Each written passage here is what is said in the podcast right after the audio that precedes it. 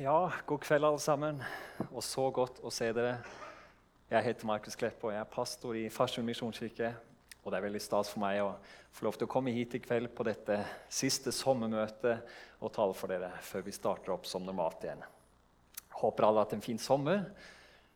Det gjør jeg. Noen har kanskje reist mest innenlands, andre kanskje mest utenlands. Ja, noen um, har kanskje vært i Nisdal på bibelcamping, i Saronsdal. og andre har vært på Liv og vekst i Stavern. Så, um, og enkelte har ønsket mer regn, spesielt i begynnelsen av sommeren. Andre har ønsket mindre regn. Noen har ønsket mer vind, andre har ønsket mindre vind. Ja, det er ikke så lett, det der. Alle kan ikke bli fornøyd. Men uansett hvordan de siste ukene og månedene har vært, så håper jeg du er klar for å komme litt tilbake igjen til normalen, og at du eh, har forventning for dette semesteret som vi står overfor. Det er i hvert fall jeg. Jeg tror jeg kan snakke på vegne av både Lista og Farsund misjonskirke med at vi gleder oss til alt som skal skje i løpet av høsten. Med alt fra møter til nye konfirmanter, opplegg for barn og unge og bl.a. et alfakurs som vi skal stå sammen om. Og hva er et alfakurs? Et alfakurs er rett og slett et kurs om de mest sentrale temaene knyttet til kristen tro. Og Vi i Farsund kjørte to slike kurs nå det siste året, og vi gleder oss nå til et nytt kurs sammen med Lista misjonskirke. Og eh, Oppstart av dette kurset er i uke 35. og Det betyr at du har ca. fire uker på deg til å be og tenke på hvem du kunne invitert med deg på et slikt kurs. Vi opplevde i hvert fall i de siste to kursene at mennesker ble berørt, de ble inspirert og ikke minst utfordret. Så uh, anbefales på det varmeste.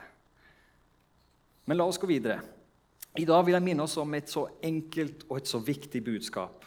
Og jeg føler jeg har blitt minnet om dette budskapet ja, kanskje pga. den tiden vi nå lever i, og med tanke på at vi nå står overfor et nytt semester som betyr overganger, som betyr en ny start, kanskje en ny skole, en ny klasse, kanskje til og med en ny jobb. En ny sesong. For livet er som vi alle vet, fylt av ulike sesonger og stadier.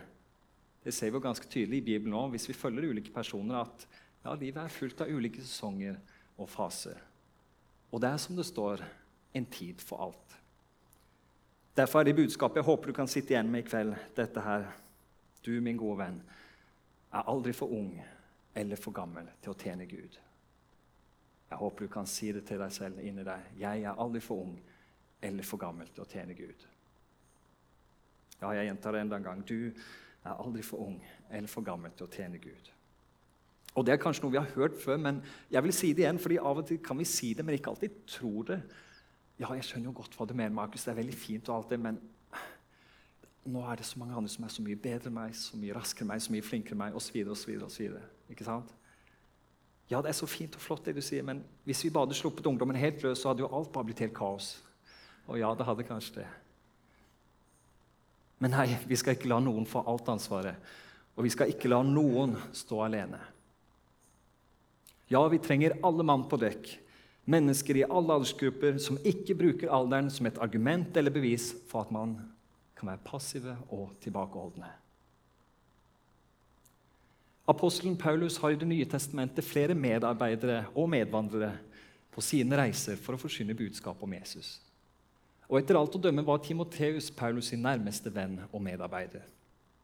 Han er nevnt som medavsender i fem av Paulus sine brev, og Ved flere anledninger så var han Paulus sin personlige utsending til flere ulike menigheter. Og Paulus han eh, omtaler Timoteus med store ord. Han sier, 'Ja, ingen som ham, ingen som så oppriktig kan ha omsorg for dere.' Alle de andre tenker bare på sitt eget, men ikke Timoteus. Videre sier Paulus at Timoteus har vært som en sønn for meg. Ja, det er vakkert, er det ikke det? Og I 1. Timoteus brev så skriver Paulus til sin unge medarbeider et brev for å veilede og oppmuntre en ung kristen som arbeider blant mange motstandere. Og Det er mye her jeg kunne plukket ut, veldig mye å ta tak i, men i dag så vil jeg trekke fram kapittel 4 og vers 12. Der det står La ingen frakte deg fordi du er ung. Enkelt og greit. La ingen forakte deg fordi du er ung. Og På gammelgresk så betyr dette ordet som her er brukt for ung, det blir brukt om en mann fra militæralder til man fylte 40 år. Man tenker derfor at Timoteus var ca. 30 år på dette tidspunktet, mens Paulus var 70 år. Men la ingen forakte deg fordi du er ung. Men jeg tror vi også kan si la ingen forakte deg fordi du er ungdom, ung voksen, voksen, godt voksen og eldre. Er dere ikke enige? Men dette bibelverset slutter ikke der, fordi det fortsetter. Av og til så hører vi bare den første delen. Men verset fortsetter jo. Det står videre.: Men vær et forbilde for de troende i ord og livsførsel, i kjærlighet, tro og renhet. Ja, vi skal være forbilder i ord, altså med hva vi sier, med våre handlinger, med tro, trofasthet, med kjærlighet og med vår holdning. Og det er jo enklere sagt enn gjort. Men hvis vi ser i Bibelen, så finner vi mennesker i alle aldre som har tjent Gud, og som har erfart store, store ting. Alderen var aldri et hinder, fordi Gud så mulighetene der alle andre bare så umulighetene. Så la oss ta noen eksempler. Vi har kong David, som begynte som en liten gjeter, som endte opp med å bli en av de største kongene i Israels historie, hvis ikke den største. Men det startet med en liten gjeter, en liten gjetergutt, som felte kjempen Goliat. Ja, forskere regner med at David var ca. 15 år på dette tidspunktet. 15 år, Det er en konfirmant. Tenk det. En konfirmant som møter en kjempe på godt over tre meter. Ja, noen forskere tenker at han kan ha vært så ung som 13 år. Men likevel så visste han akkurat hva han måtte gjøre. Og David var sikker på at Gud gikk med ham. Abraham var 75 år når Gud først kalte ham. Han kunne jo sagt, 'Men Gud, jeg er jo altfor gammel.' 75 år, jeg er jo en gammel mann. Hva skal du med meg? Hvorfor vil du bruke meg? Eller På denne tiden så ble jo noen 200, 300 500 år til og med, så han kunne jo også sagt, 'Men Gud, jeg er jo altfor ung.' 75 år, det er jo ingenting. Det er jo bare et lite blunk. Men Gud brukte Abraham. 99 år gammel var Abraham når Gud først lovet ham en sønn. og Da var Sara, Abrahams kone, 90 år gammel.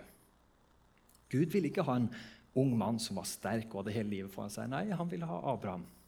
Fordi, fordi Abraham satte sin tro og lit til Gud.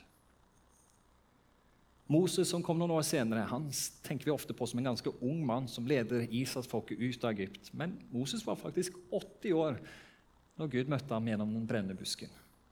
80 år var han når han leder Israelsfolket ut i frihet. Og selv om Moses var erfaren, godt voksen, han hadde god utdannelse, masse opplæring og masse kunnskap. Likevel så ser vi at Moses igjen og igjen og igjen tvilte på seg selv og sine egne evner. Men Gud brukte han likevel. Og I 40 år leder Moses et utakknemlig folk i ørkenen som bare klager og bare syter og bare vender seg bort fra Gud. For Hvis vi ser på kartet, så, så er dette her egentlig en ganske grei spasertur for hvis vi ser her, De brukte 40 år, men ifølge Google Maps så skal du egentlig bare bruke seks dager. Hvis du ser her Ja, det var nok noen som eh, måtte ha noen dopauser av og til, og det var nok ganske varmt, men likevel 40 år. Det skal egentlig ta seks dager. Og Noen av dere har kanskje kjørt rundt i en bobil i sommer eller vært på telttur og erfart ja, turen kan av og til bli litt lengre enn det man hadde tenkt. Spesielt på nye plasser. Så veldig viktig å høre på den som har kartet. Hør på guiden. Veldig viktig. Men det er mange andre eksempler vi kan ta. Noah i første Mosebok han ble jo ikke mer enn 950 år da. Men han fikk i oppdrag i å bygge arken når han var 500 år gammel. Tenk det. Og han brukte 100 år på det prosjektet. Snakk om tålmodighet. Og etter flommen levde Noah i 350 år til, så han fikk seg noen år som pensjonist. kan man si. Han fikk noen år som pensjonist. Men hvis vi går til Det nye testamentet, så har vi jo flere eksempler her òg. Jeg har jo allerede, nevnt Timoteus, men vi har jo flere. I alle de fire evangeliene så har vi historien om når Jesus møtte 5000 mennesker. Og det gjorde han jo ved hjelp av fem brød og to fisk. Og hvem er det som hadde med seg det? Ja, Det var ikke hvem som helst. Det var et lite barn. Ja, Vi tenker ofte at det var en gutt, men det er ikke sikkert. Det står ikke at det var en gutt som hadde med seg den nistepakken. Det står at det var et barn, så det kunne også vært en jente. Men uansett, det var et lite barn som var med å bidra til at 5000 mennesker pluss, pluss, pluss ble mettet. Ja, du er aldri for ung eller for gammel til å tjene Gud. Og Når det gjelder Jesus, så vet vi ikke mye om hans oppvekst og de første årene hans. Men i begynnelsen av Lukas evangeliet så har vi en historie hvor Jesus som tolvåring virkelig imponerte de religiøse lederne i tempelet. Ja, vær et forbilde for de troende i ord og livsførsel, i kjærlighet, tro og renhet. Man er aldri for ung eller for gammel til å tjene Gud. I dag så skal vi til Salmenes bok, og vi skal se på en salme som jeg syns er veldig vakker og utrolig dyp. Og det er Salme 71. Og Det står ikke hvem som har skrevet Salme 71, selv om ulike tradisjoner og flere forskere tenker at det kan ha vært kong David som skrev denne salmen på sine eldre dager, på slutten av sitt liv. Men i dag i vår bibel er Salme 71 altså en anonym salme. Men uansett hvem som skrev den, så er det ganske tydelig når vi leser denne salmen, at det er en godt voksen person som her uttrykker og utøser av sine tanker og følelser og erfaringer. Og dette er en som har hatt et langt liv med Gud, men som fortsatt har lyst til å stå på mens det er mulighet. Og Vi skal kun se på et par av disse versene, men jeg vil anbefale deg når du kommer hjem i dag, ta og les Salme 71 før du legger deg. Anbefales. I vers 17 så står det Gud, fra jeg var ung, har du lært meg opp. Jeg forteller fortsatt om dine under. Forfatteren av denne salmen har vært så heldig av å få opplæring av Gud helt fra han var liten, i mange, mange, mange år. Og det har gjort at han kan fortelle om Guds under. Og det vil han fortsette å gjøre. Han vil fortsette å gi av sin erfaring, av sin kunnskap, alt det han har lært. En av de tingene som jeg elsker med andre kulturer, som av og til er i motsetning til vårt samfunn i dag, er at i andre kulturer så har alder alltid vært noe man har hedret. Ja, Når en eldre person ville komme inn i rommet, så ville alle de andre reise seg opp. Og når den eldre begynte å prate, så ville alle, spesielt de unge, de ville slutte å snakke. Fordi nå var det erfaringen som hadde ordet. Nå vil de høre på kunnskapens og erfaringens stemme. Og Jeg sier ikke at alt dette her er helt borte i Norge, men jeg tror vi likevel har mista noe av det her. Ja, fordi Når du er gammel, så skal du være stille og ikke si noe, for du skal la de unge holde på, fordi de tror de vet det. Ikke sant? og forstå meg rett. Det er selvsagt en balanse her. Selvfølgelig er det. Men jeg bare elsker det hvordan salmisten sier det her. Vers 18. Gud, forlat meg ikke, selv når jeg blir gammel og grå. La meg tale om din kraft til hele den slekten som kommer. Gud, forlat meg ikke. Fordi det er en jobb som må gjøres. Det er mennesker som må høre om Jesus. Det er mennesker som må nå oss, unge mennesker, mennesker i alle aldre. Gud, forlat meg ikke. Men la meg bare fortsette å fortelle om din under, din kraft, til hele den slekten som kommer. Fordi det er ikke over før det er over. Og når jeg ser i dag, så opplever jeg dessverre mange mennesker, mange voksne, som i det sekundet barna flytter ut av huset, tenker at ja, nå er det jo endelig min tur. Nå har jo jeg gjort mitt. Nå er det meg det handler om. Og ja, jeg vet at småbarnsfasen og oppveksten kan være veldig slitsom og travel. Men er det virkelig slik at i det sekundet barna er ute av huset, ja, da er det jo bare å sette seg ned i godstolen og bare slappe av og hvile? Eller ut og reise og se hele verden? Er det virkelig slik? Burde det ikke vært motsatt? Burde det ikke være slik at man ønsket å bruke enda mer tid når man fikk muligheten, til å gi Jesus videre til neste generasjon? Fordi det viktigste og det beste du kan gi dine barn, barnebarn og etter hvert også oldebarn, er jo Jesus. Ingenting annet. Og folkens, Selvsagt så skal vi hvile, vi skal kose oss og nyte livet. Skal vi stå hele løpet ut, så må vi jo det, selvsagt. Og noen føler nok at de står i ganske mange ting i sitt eget liv akkurat nå. Ja, jeg har så lyst til å hjelpe, jeg har lyst til å være med, og, være med men akkurat nå så er det så mange ting i mitt eget liv. Ulike konflikter og ting å ta tak i, branner som må slukkes. Åh, jeg skulle ønske jeg kunne bare Men akkurat nå så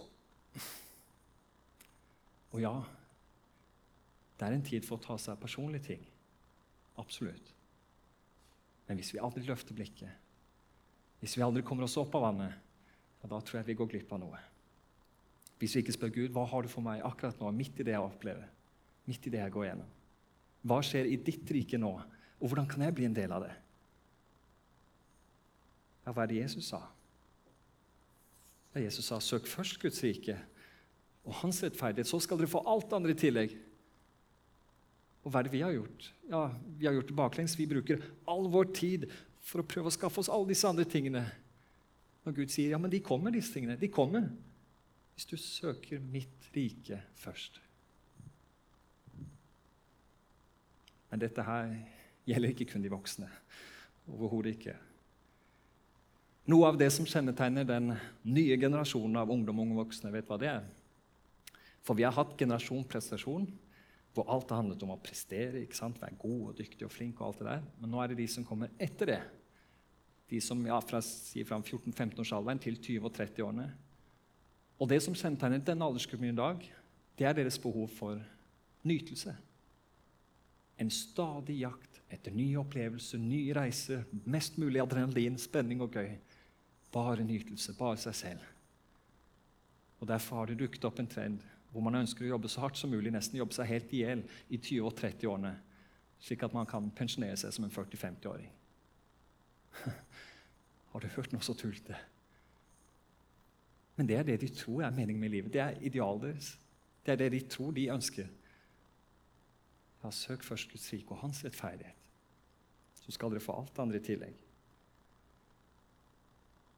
Kjære alle sammen, kjære Lista og Farsund misjonskirke. Her kommer en utfordring. Hvordan kan du være med å bety en forskjell for de rundt deg? Hvordan kan du være med å bidra til at noen blir bedre kjent med Jesus? Vi står overfor et nytt semester, en ny start. Du har en mulighet til å påvirke mennesker i et evighetsperspektiv. Så stort er det faktisk. For jeg tror og jeg vet at så mange av dere som sitter her inne i dag, har så mye erfaring, har så mye gull, har så mye kunnskap. Mange av dere har opplevd store kriser, men kjent på hvordan Gud har ledet dere gjennom det. Tenk på hvordan du kunne hjelpe og veilede noen andre mennesker som går gjennom noe av det samme akkurat i dag. Tenk så trosstyrken det kunne vært for noen andre. Jeg sier ikke at alle må på en plattform og bare rope ut. Overhodet ikke. Men bare tenk Tenk hvis du kunne vært en samtalepartner for noen andre. En åndelig veileder, en mentor. Eller kanskje du kunne tatt med en gjeng med ungdommer på fisketur eller se en fotballkamp bare for å bygge noen relasjoner på tvers av generasjoner. Eller kanskje du kunne lagd litt mat på det alfakurset, eller invitert den nye småbarnsfamilien som du ikke kjenner så godt, på middag. Ja, det skal så lite til. Men du er aldri for ung eller for gammel til å tjene Gud til å bety en forskjell. Dette her er Don Ritchie fra Australia. Han døde for ca. ti år siden, 85 år gammel. Og Han bodde ved The Gap, som er en plass i Sydney med mange klipper rett ved sjøen. Og Dette er dessverre en plass som er kjent for mange selvmordsforsøk. Men som Don Ritchie selv sa, så kunne han ikke bare sitte hjemme og se på hva som skjedde rett foran øynene hans. Derfor gikk han og møtte denne personen som var i nød, og begynte ofte med å stille spørsmålet kan jeg hjelpe deg med et eller annet. Etterpå inviterte han vedkommende hjem til seg for en kopp te og en samtale. Det skulle ikke mer til. Over en 45-årsperiode så reddet Don Ritchie 180 mennesker fra selvmord selv om familien mener at tallet er nærmere 500 mennesker. Og dette holdt han på med selv i 80-årene. Han er aldri for ung eller for gammel til å gjøre en forskjell. Don Ritchie er i dag kjent som The Angel of the Gap. En som reddet mange mennesker. Og så har vi mulighet til å gjøre akkurat det samme i dag. Som menighet, ved å forsyne budskapet om Jesus og gjennom å demonstrere Jesus kjærlighet med alle de rundt oss. Hjemme, blant naboer, på arbeidsplassen, mot de vi møter. Fordi Når jeg leser i Det nye testamentet, og spesielt i brevene, så mener jeg at vi kan oppsummere hva, hva Paulus sier med noen få ord. Noen få enkle ord. Det handler ikke om meg.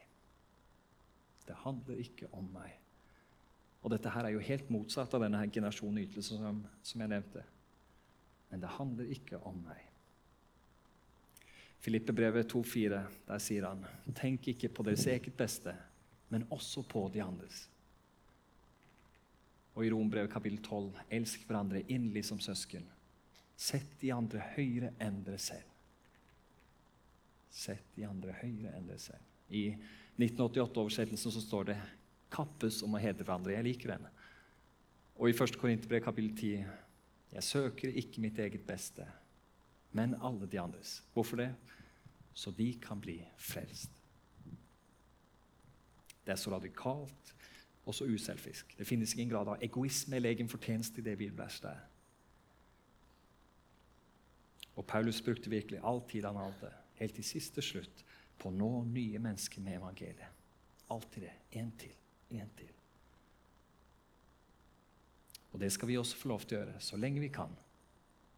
Fordi det er ikke over før det er over. Ja, du er aldri for ung eller for gammel til å tjene Gud. Og Jeg skal snart komme til en avslutning nå, men, men før jeg avslutter, så vil jeg fortelle historien om en av mine store helter. Og det er den mannen her. Didrich Bonhoffer. Han var en tysk prest og teolog på begynnelsen av 1900-tallet. Og Bonhoffer var en av de tydeligste motstanderne av Hitler og nazistpartiet. For vi må jo ikke glemme at det, det første landet nazistene inntok, det var jo sitt eget. Det var Tyskland.